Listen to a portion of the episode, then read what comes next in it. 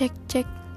Assalamualaikum warahmatullahi wabarakatuh. Kembali lagi di sini podcast. Gimana kabarnya teman-teman? Semoga semuanya dalam keadaan sehat ya. Ini podcast kedua saya. Semoga teman-teman belum bosan dengar suara saya. Seperti yang kalian lihat di judul, kali ini kita akan bahas tentang COVID-19 dan work from home atau WFH. Seperti yang kalian ketahui, sekarang lagi ada pandemi corona nih, yang bisa dibilang mengacaukan tatanan Indonesia. Bukan hanya Indonesia, dunia bahkan. Nah, teman-teman juga pasti udah pada tahu apa itu virus corona. Virus corona yaitu virus yang menyerang sistem pernapasan. Nah, penyakit dari virus ini disebut dengan COVID-19. Virus corona juga bisa menyebabkan gangguan pada sistem pernapasan, pneumonia akut, sampai kematian. Nah, seperti apa sih gejala virus corona ini atau COVID-19 ini? Secara umum gejalanya itu ada tiga. Yang pertama, demam, suhu tubuh di atas 38 derajat Celcius. Yang kedua, batuk. Yang ketiga, sesak napas. Itu gejala pada umumnya. Nah, gara-gara corona nih ya, semuanya jadi serba di cancel. Di cancel, terhambat, tertunda. Nah, entah itu event atau acara apa pun. Kayak kehidupan kita tuh udah berubah gitu dari biasanya. Contoh yang berubah nih ya gara-gara corona. Misalnya dari bagaimana cara orang-orang bekerja, bagaimana cara kita bertemu dengan orang lain. Nah, pandemi ini mengharuskan kita, terutama yang bekerja, harus work from home atau WFH, atau bekerja dari rumah. Jika dilihat dari banyaknya jenis pekerjaan di Indonesia, tidak semuanya bisa melakukan WFH. Apalagi yang pekerjaannya mengharuskan mereka bertemu dengan orang secara langsung gitu. Tapi bagi yang bekerjanya di balik layar atau bekerjanya menggunakan laptop atau ahli IT itu mungkin sudah terbiasa dengan adanya WFH. Banyak juga yang mengeluh kalau WFH ini nggak efektif gitu, karena sering terjadi kesalahpahaman dalam komunikasi karena keterbatasan bagaimana cara mereka menyampaikan uh, pesan via WA atau Zoom atau aplikasi komunikasi lainnya. Nah, tapi tanpa disadari dengan adanya WFH ini, orang-orang jadi melek teknologi gitu. Misalnya kayak rapat menggunakan Zoom. Nah, orang-orang yang tadinya nggak tahu dan nggak pernah pakai, jadi tahu dan pakai gitu. Contoh lainnya misalkan pembelajaran online juga atau daring atau yang sedang kita alami para mahasiswa kuliah daring. Nah, pembelajaran online aplikasi ruang guru penggunanya jadi lebih meningkat karena uh, adanya social distancing ini. Jadi uh, virus corona ini ada sisi baik dan sisi buruknya ada yang bilang juga selain WFH ini nggak efektif tapi ada juga yang bilang kurang jadi kurang produktif gitu. Gimana caranya biar kita tetap produktif walaupun kita WFH nah usahakan lakukan kebiasaan yang biasa dilakukan ketika kita bekerja dengan normal gitu. Misalnya mandi pagi sarapan.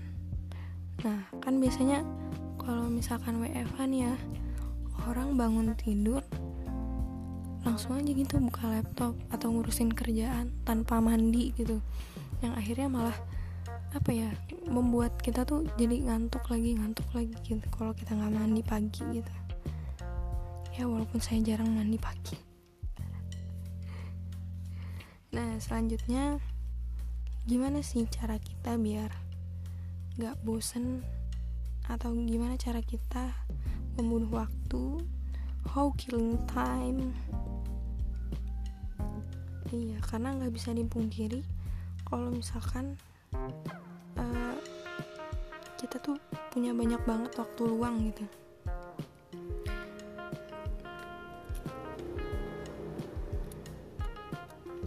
Misalnya kalau misalkan kita lihat musisi-musisi nih ya mereka ngisi waktu luangnya dengan cara mereka membuat konser online via live Instagram atau YouTube gitu. Nah terus apa sih yang bisa kita lakukan untuk mengisi waktu luang kita tersebut supaya kita tuh nggak nggak bosen gitu tuh ya?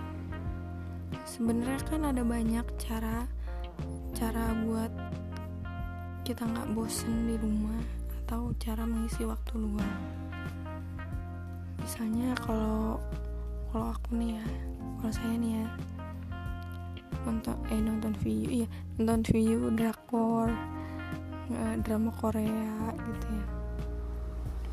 Atau buat kalian bekerja kalian bisa uh, nonton series yang beberapa menit um, buat bikin kalian fresh lagi gitu.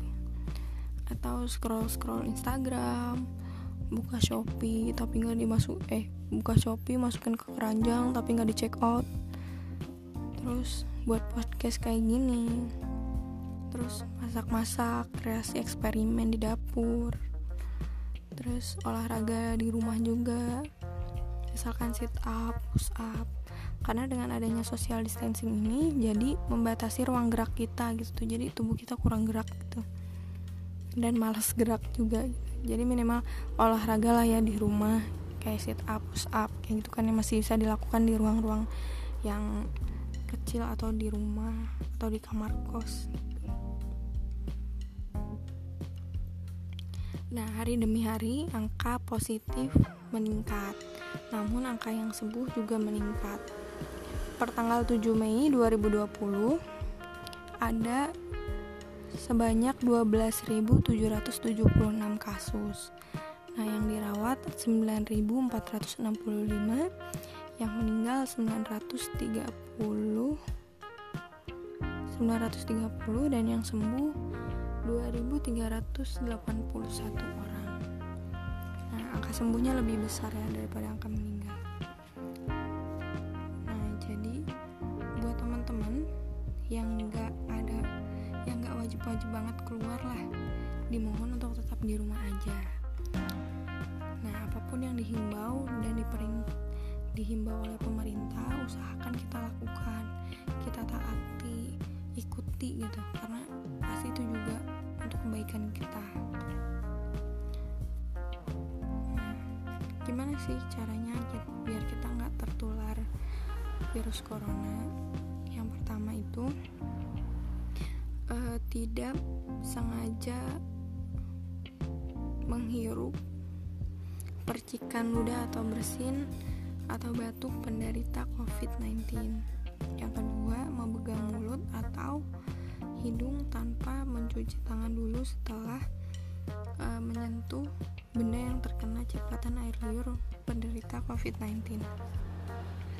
Yang ketiga, kontak jarak dekat dengan penderita COVID-19, misalnya bersentuhan, berjabat tangan.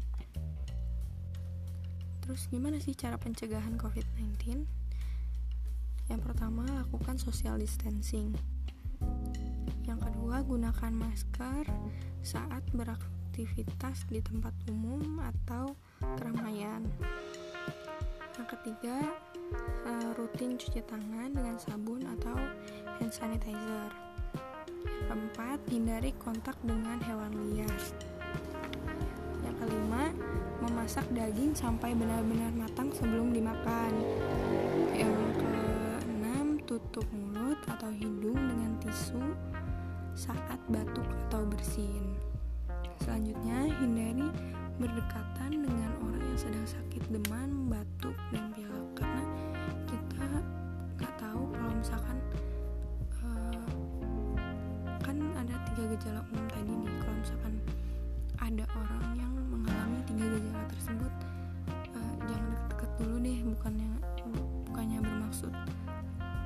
sombong atau apa cuman kita kan uh, mencegah gitu.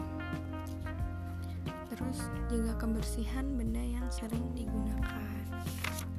Untuk teman-teman stay safe di rumah jaga kesehatan jaga kebersihan uh, selalu berpikir positif. Semoga uh, pandemi ini segera berakhir.